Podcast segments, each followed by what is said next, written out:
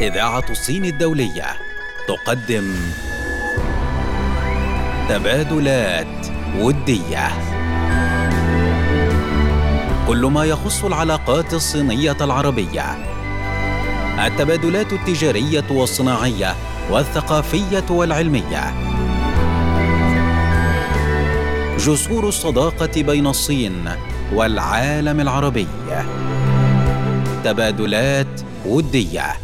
فقط عبر أثير إذاعة الصين الدولية. مستمعينا الكرام مستمعي إذاعة الصين الدولية في كل مكان أهلا ومرحبا بكم. ولقاء جديد من برنامج تبادلات ودية.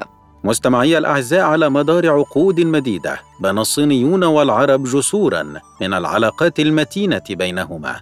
وايمانا بروابط الصداقة المتينة بين الصين والعالم العربي. نرصد أهم المستجدات في العلاقات الصينية العربية. ولأن هذه الصداقة ممتدة عبر التاريخ سنلقي الضوء على التبادلات التاريخية بين الصين والعالم العربي على مدار التاريخ. وهناك العديد من الأحداث التي تحكي عن الروابط الصينية العربية. ومن خلال تبادلات ودية سنعرض لكم هذه التجارب. ونركز على جهود تعزيز أواصر الصداقة ودفع العلاقات الودية الراسخة بين الصين وبلاد العرب. كل هذا فقط من خلال برنامجكم تبادلات ودية. يقدمه لكم حمزة محمد وأمل عبد الله.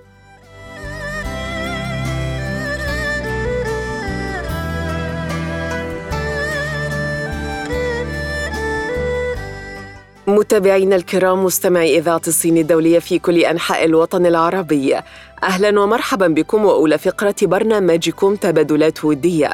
وخلال هذه الفقرة نتناول معكم مستمعينا الأعزاء تبادلا وديا غاية في الأهمية بين جمهورية الصين الشعبية والمملكة الأردنية الهاشمية في مجال العلاقات الدبلوماسية. في نهاية مايو الماضي أجرى معالي كبير المشرعين الصينيين لي تشان شو محادثات مع معالي رئيس مجلس الأعيان الأردني فيصل الفايز عبر رابط فيديو.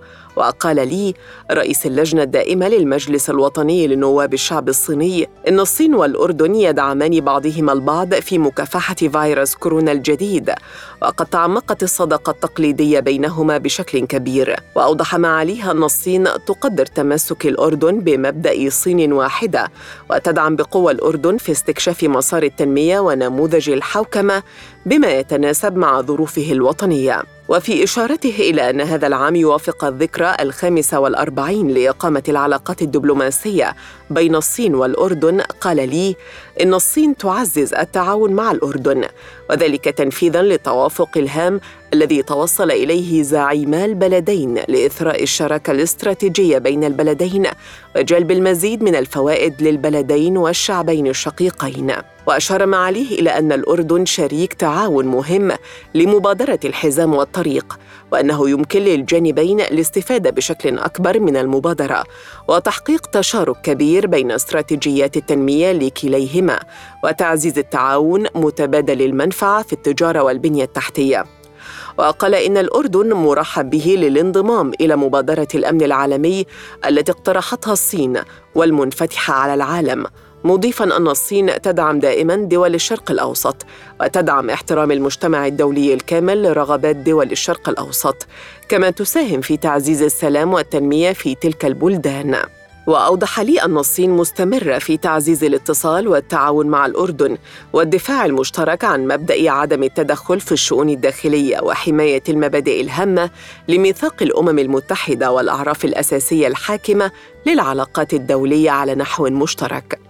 وأضاف أن المجلس الوطني لنواب الشعب الصيني متمسك بالحفاظ على تبادلات ودية أوثق مع البرلمان الأردني على مختلف المستويات. بدوره قال فيصل الفايز إن الصداقة بين الأردن والصين تقوم على الاحترام المتبادل وأن الأردن يتمسك بشدة بسياسة صين واحدة ويعارض التدخل في الشؤون الداخلية للصين. وأضاف أن الأردن يقدر دعم الصين القوي له في تعزيز التنمية الاقتصادية والاجتماعية وحماية النزاهة والعدالة الدوليتين. ويهتم مجلس الأعيان الأردني بتعزيز التبادلات الودية مع المجلس الوطني لنواب الشعب الصيني. وتعزيز تعزيز التعاون الثنائي بشكل مشترك في مجالات الاقتصاد والتجارة والاستثمار والثقافة وغيرها من المجالات وتعميق الشراكة الاستراتيجية بشكل أكبر. فاصل قصير مستمعي الكرام يعود بعده لكم الزميل حمزة محمد فكونوا معنا.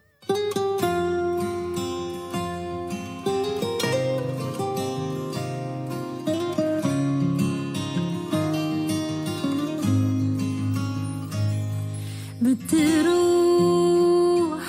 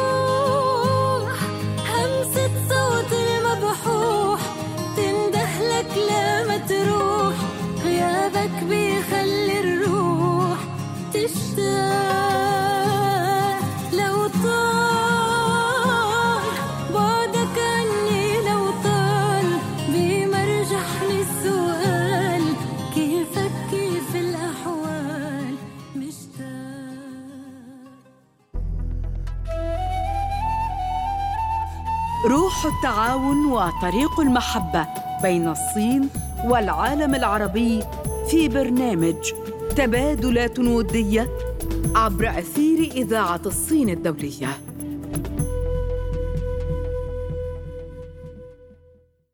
مستمعي الكرام مستمعي برنامج تبادلات ودية أهلا بكم. خلال فقرتنا نتناول تبادلا جديدا بين الصين والكويت في المجال التجاري. حيث انطلقت فعاليات معرض العطور وأدوات التجميل والساعات في أرض المعارض الدولية بمحافظة حولي بالكويت. لاقت المنتجات الصينية قبولا واسعا لدى رواد المعرض الذين أشادوا بها وعبروا عن إعجابهم الكبير بأواني البخور الرائعة المحفور عليها أشكال من الزهور وداخلها أشعلت قطعة صغيرة من خشب العود على فحم إلى جانب زجاجات العطور مختلفة الأنواع وعلب الهدايا وقد أعرب محمد الحماد صانع العطور الكويتي عن تمنياته السفر إلى الصين لشراء المزيد من الزجاجات والعبوات الرائعة وحديثة التصميم لمنتجاته من العطور. وقد عرضت عشرات الأنواع من العطور داخل مختلف الزجاجات الرائعة والفاخرة والجميلة على جناح ورشة عطورات الحماد. في معرض العطور وأدوات التجميل والساعات بمشاركة أكثر من 240 شركة محلية وإقليمية للعطور وأدوات التجميل والساعات. وتعتبر العطور في منطقة دول الخليج من أكثر المنتجات شعبية وخاصة في الكويت. وكان عادل الحماد والد محمد الحماد قد أسس ورشة العطورات منذ عام 91 وكان يقضي من شهر إلى ستة أشهر سنويا في تطوير وإنتاج عطور جديدة تحتاج إلى الزجاجات والعبوات الجديدة. وبدأ عادل الحماد السفر إلى الصين للبحث عن المصانع الشريكة لإنتاج الزجاجات والعبوات والتغليف والصناديق والمباخر لعطوره منذ عام 2000 وقد استعرض محمد الحماد أيام مرافقته لوالده إلى الصين مرة أو مرتين سنويا قبل تفشي فيروس كورونا لزيارة معرض كانتون حيث وجد العديد من مصانع الزجاجات الصينية التي تلبي احتياجات منتجاتهما. لفت صانع العطور الكويتي محمد الحماد إلى أنه خلال فترة انتشار الفيروس كان قد تم إغلاق بعض المصانع في الصين التي تقوم بتصنيع زجاجات العطور وعلب الهدايا وأكياس التغليف والمباخر وغيرها من المنتجات بشكل مؤقت. لكن محمد كان سعيدا جدا بأن الصين قد تعاملت مع الجائحة بحكمة كبيرة وتم في وقت قصير إعادة تشغيل تلك المصانع الأمر الذي قدم لآل حماد نوعا من الدعم الضروري لمنتجاتهم وأضاف قائلا على الرغم من وجود مخزون من مواد التعبئة والتغليف الصينية لمنتجات العطور إلا أن العطور المصممة والمطورة دائما ما تحتاج إلى عبوات جديدة لذا نقوم بالسفر إلى الصين باستمرار. أكد محمد أهمية السفر إلى الصين بدلا من الاتصالات عن طريق الإنترنت للتشاور معهم حول تفاصيل التصميم مثل النمط والمادة واللون. وتابع بقوله لا نفكر ابدا في استبدال المنتجات الصينية لأن الجودة الخاصة بهذه المنتجات جيدة وأسعارها جيدة أيضا. وأعرب محمد الحماد عن ثقته بتعافي تجارة العطور مع انتعاش الاقتصاد الكويتي. آملا السفر إلى الصين في المستقبل غير البعيد. كما قال محمد عارف وهو عامل في إحدى شركات العطور مقرها دبي إن معظم المنتجات الموجودة داخل جناحه بالمعرض مثل الزجاجات والمباخر والتغليف والصناديق صنعت في الصين. وقال عارف إن معظم شركات العطور المشاركة في المعرض وضعها مثل وضعنا، ننتج العطور فقط، لذا نحتاج إلى المنتجات الصينية كثيراً. قائلا على الرغم من تداعيات فيروس كورونا على أعمالنا من حسن الحظ أن المصانع الصينية تقدم لنا إسهامات كبيرة لإنجاح أعمالنا يذكر أنه في 2021 شهد التعاون الاقتصادي والتجاري بين الصين والكويت تطورا ملحوظا حيث بلغ إجمالي قيمة التبادل التجاري بينهما 22.1 مليار دولار بزيادة قدرها 54.9% على أساس سنوي. بهذا مستمعي الأعزاء وصلنا إلى ختام فقرتنا. فاصل قصير تعود بعده أمل عبد الله بفقرة جديدة.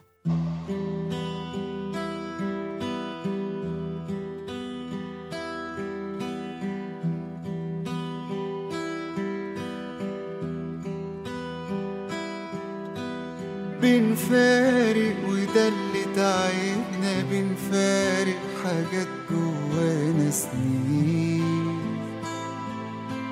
بنفارق ولا عارفين هنعيش اللي جاي يا قلبي لمين بنفارق وده اللي تعبنا. بنفارق حاجات جوانا سنين.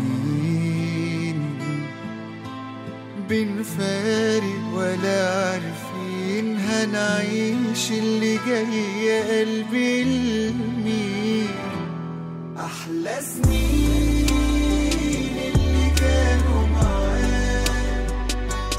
بعد ما راح قلبي راح وياه ولا تمنيت بعد منه حياة.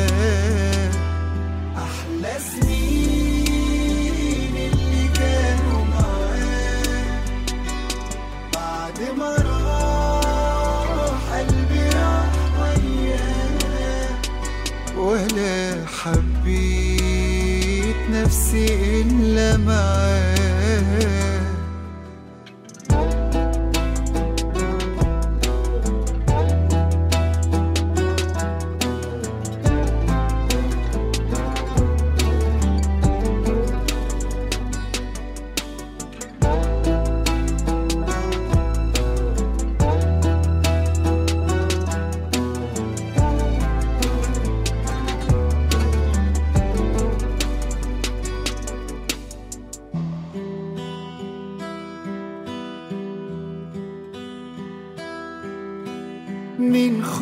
خوفي بقيت ما بخافش من وجعي الوجع ما بقاش موضوع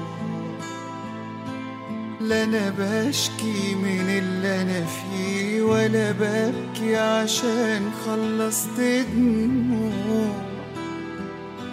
من خوفي بقيت ما بخافش من وجعي الوجع ما بقاش موضوع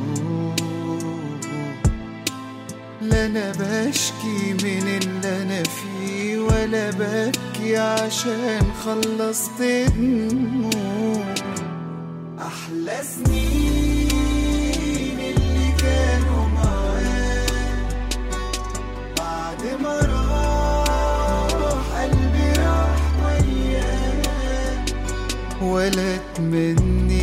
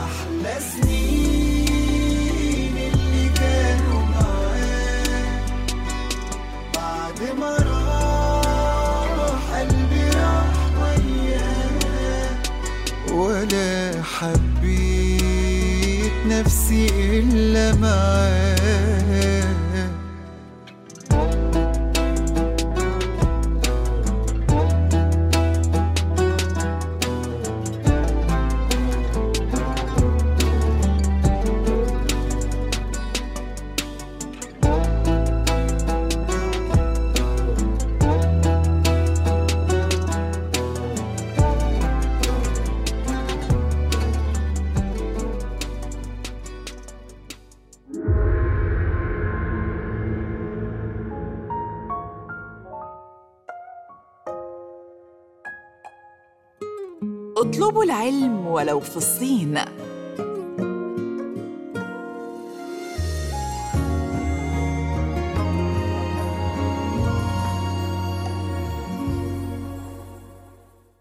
مستمعينا الأعزاء أهلا بكم من جديد وعودة إلى برنامجكم تبادلات ودية. الذي يأتيكم عبر أثير إذاعة الصين الدولية بحكم قوة وترابط العلاقات والتبادلات بين الصين والوطن العربي. كان هناك العديد من الأشخاص العرب الذين كانت لهم تجارب مختلفة في جمهورية الصين الشعبية وأيضاً العديد من الصينيين الذين كانت لهم تجارب مختلفة في البلاد العربية. اختلفت هذه التجارب الشخصية وتنوعت فمنها الاقتصادية والاجتماعية والفنية والثقافية والفكرية والعلمية. ولكن جميعها تدل على الأفاق المفتوحة والعلاقات القوية بين جمهورية الصين الشعبية والوطن العربي بشكل عام. ونحن معكم الآن وفقرة حكايات من الشرق وفيها نتعرف على قصة ملهمة للشابة المصرية آمال وزوجها الصيني وانغ شين خوا حالة خاصة وقصة حب مختلفة جمعت بين أمال خريجة كلية الألسن بجامعة عين شمس المصرية قسم اللغة الصينية وزوجها الصيني محمد واسمه بالصينية وانغ شين خوا. ليتوج هذا الحب في النهاية بطعم الأكلات الصينية حيث افتتحا معا مطعما للأكلات الصينية وحققا حلمهما.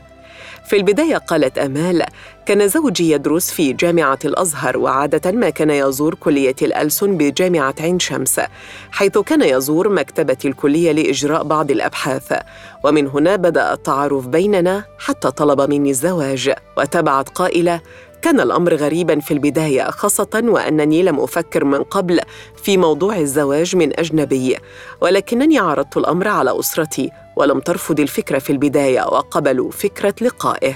وأضافت قائلة بعد أن قابل أهلي رأوا أنه شخص جيد وتم إعلان خطبتنا ثم تزوجنا بعد التخرج وتم أيضا الاتفاق على إمكانية السفر للصين حال وجود فرصة عمل هناك. تقول أمال كان زوجي يعمل في بيع الأحجار الكريمة وفكرنا معا بعد الزواج بثلاثة أشهر في افتتاح مطعم للأكلات الصينية وتحقق حلمنا بالفعل بافتتاح مطعمنا بمصر في منطقة العباسية. وعن فترة الخطوبة قالت كانت فترة الخطوبة قصيرة وبعد الزواج قررنا أن نقضي شهر العسل في الصين الرائعه لكننا انشغلنا بافتتاح المطعم. وعن ابنهما الصغير سيف فيبدو على ملامحه أنه صيني ولكن يسيطر عليه شقاوة الطفل المصري. وقالت آمال قررت أنا وزوجي أن نعلم ابننا اللغة العربية واللغة الصينية ليتعرف على ثقافتين ويحبهما مثلنا. وعن زوجها محمد الصيني تقول آمال كان يتحدث اللغة العربية الفصحى بطلاقه ومع الوقت أصبح يتكلم اللهجة العامية ويداعبني أحيانا ببعض الكلمات المصرية. وعن كيفية قضاء يومهما قالت آمال إنني أستيقظ من السابعة صباحا لتجهيز المعجنات الصينية لمطعمنا الصيني ثم نذهب معا للمطعم ونستمر في العمل طوال اليوم. إننا نقضي معظم أوقاتنا هناك ومعنا ابننا سيف. وأضافت بقولها إن الشيفات كلهم من الصين وهذا يجعل زبائننا المصريين مهتمين بالتعرف عليهم وسؤالهم عن الصين والثقافة والعادات الصينية التي تثير فضولهم. وفي النهاية قالت أمال لقد حكى لي زوجي الكثير عن الصين وجعلني أشتاق لزيارتها. فقد عرفت منه تفاصيل رائعة عن عادات وتقاليد الشعب الصيني وأحسست أنني أنتمي إليهم. فأنا الآن أعيش مع زوجي الصيني الذي أحبه. نتحدث معا باللغة الصينية ونقدم للمصريين أكلات صينية شهية ونحكي لهم الكثير عن الصين مما يجعلهم يحبون زيارتنا أكثر وأكثر. فاصل قصير مستمعي الكرام يعود بعده لكم الزميل حمزة محمد فكونوا معنا.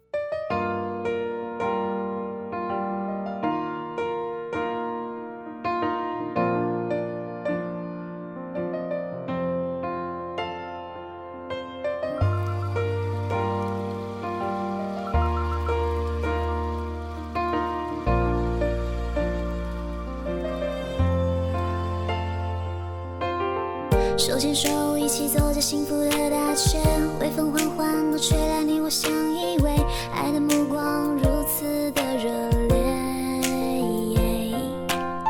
这份爱就像是在燃烧的火堆炽热的火焰如同盛开的玫瑰不管白天黑夜继续的沉醉。整个世界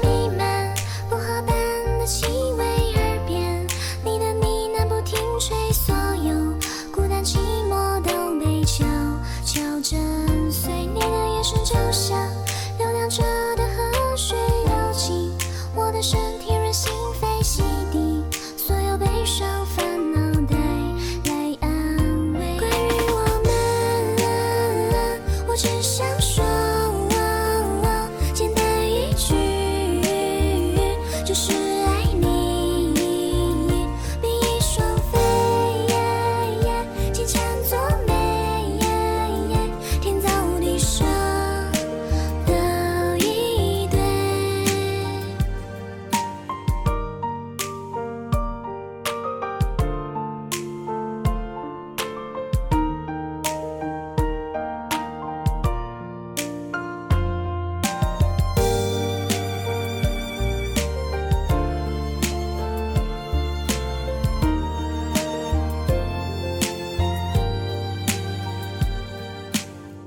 手牵手一起走在幸福的大街微风缓缓的吹来你我相依偎爱的目光如此的热烈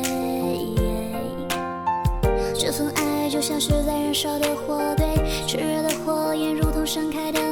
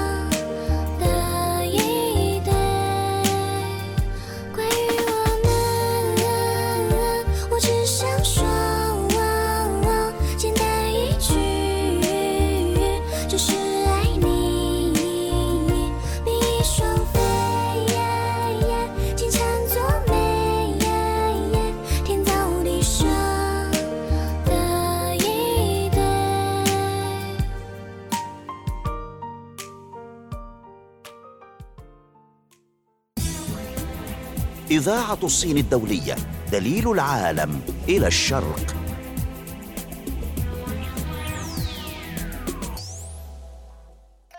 أهلا بكم من جديد مستمعي تبادلات ودية. خلال فقرتنا نتابع أهم المبادرات والاتفاقيات التي شكلت جسورا من الصداقة بين الصين ومختلف الدول العربية.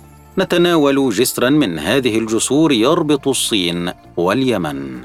إن تاريخ العلاقات الصينية اليمنية حافل بالإنجازات المشتركة التي تعاون من خلالها البلدان الشقيقان لتحقيق أحلام وغايات الشعبين الصديقين. ومن أبرز أوجه التعاون التي جمعت البلدين المجال الطبي. فمنذ زمن طويل والوفود الطبية الصينية تذهب لليمن لرعاية الشعب اليمني ونقل الخبرة والتكنولوجيا الطبية الصينية إلى اليمن. في 2011 تأسس مركز التعاون الصيني اليمني لطب وجراحة العيون في مستشفى صنعاء بمساعدة الحكومة الصينية.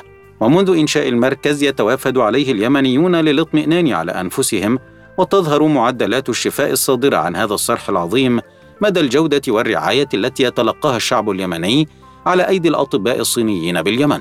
وتقدم الصين باستمرار المعدات والمستلزمات الطبية المتقدمة لعلاج العيون للمركز. حيث يتم تحديث آليات عمله وأجهزته منذ تم إنشاؤه حسب التطورات التكنولوجية العالمية التي تطرأ في مجال العيون. كانت من أهم اللحظات المضيئة في تاريخ المركز عندما قام فريق من الخبراء برئاسة الخبير الصيني المشهور المتخصص في العيون تشانغ جين سونغ بعمليات جراحية لزرع عدسات العين لعشرين مريضا يمنيا بنجاح في هذا المركز. جدير بالذكر أن الصين بدأت في إرسال الفرق الطبية إلى اليمن منذ عام 66 وقد عمل أكثر من 3600 طبيب صيني في اليمن على امتداد السنوات الماضية. وتلقى الأخلاق النبيلة والمهارات الطبية الهائلة للخبراء الصينيين ثناء كبيرا من جميع الأوساط في اليمن وتقدم أعمالهم الدؤوبة مساهمات لا تمحى في تاريخ تطوير العلاقة الودية بين الصين واليمن. مما ذكرناه يمكننا أن نستنتج أن المجال الطبي شكل عبر الزمان جسرا رائعا بين الصين واليمن. يقف مركز التعاون الصيني اليمني لطب وجراحة العيون كشاهد حي وقوي على هذه الصداقة التي ستدوم للأبد. بهذا مستمعي الأعزاء وصلنا بكم إلى ختام فقرتنا وبها أيضا تنتهي حلقتنا في تبادلات ودية. كان معكم في التقديم أمل عبد الله وحمزة محمد. مع تحيات فريق العمل. إعداد.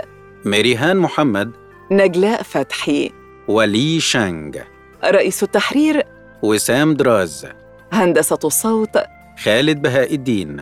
وكان معكم في الإخراج. وليد إمام.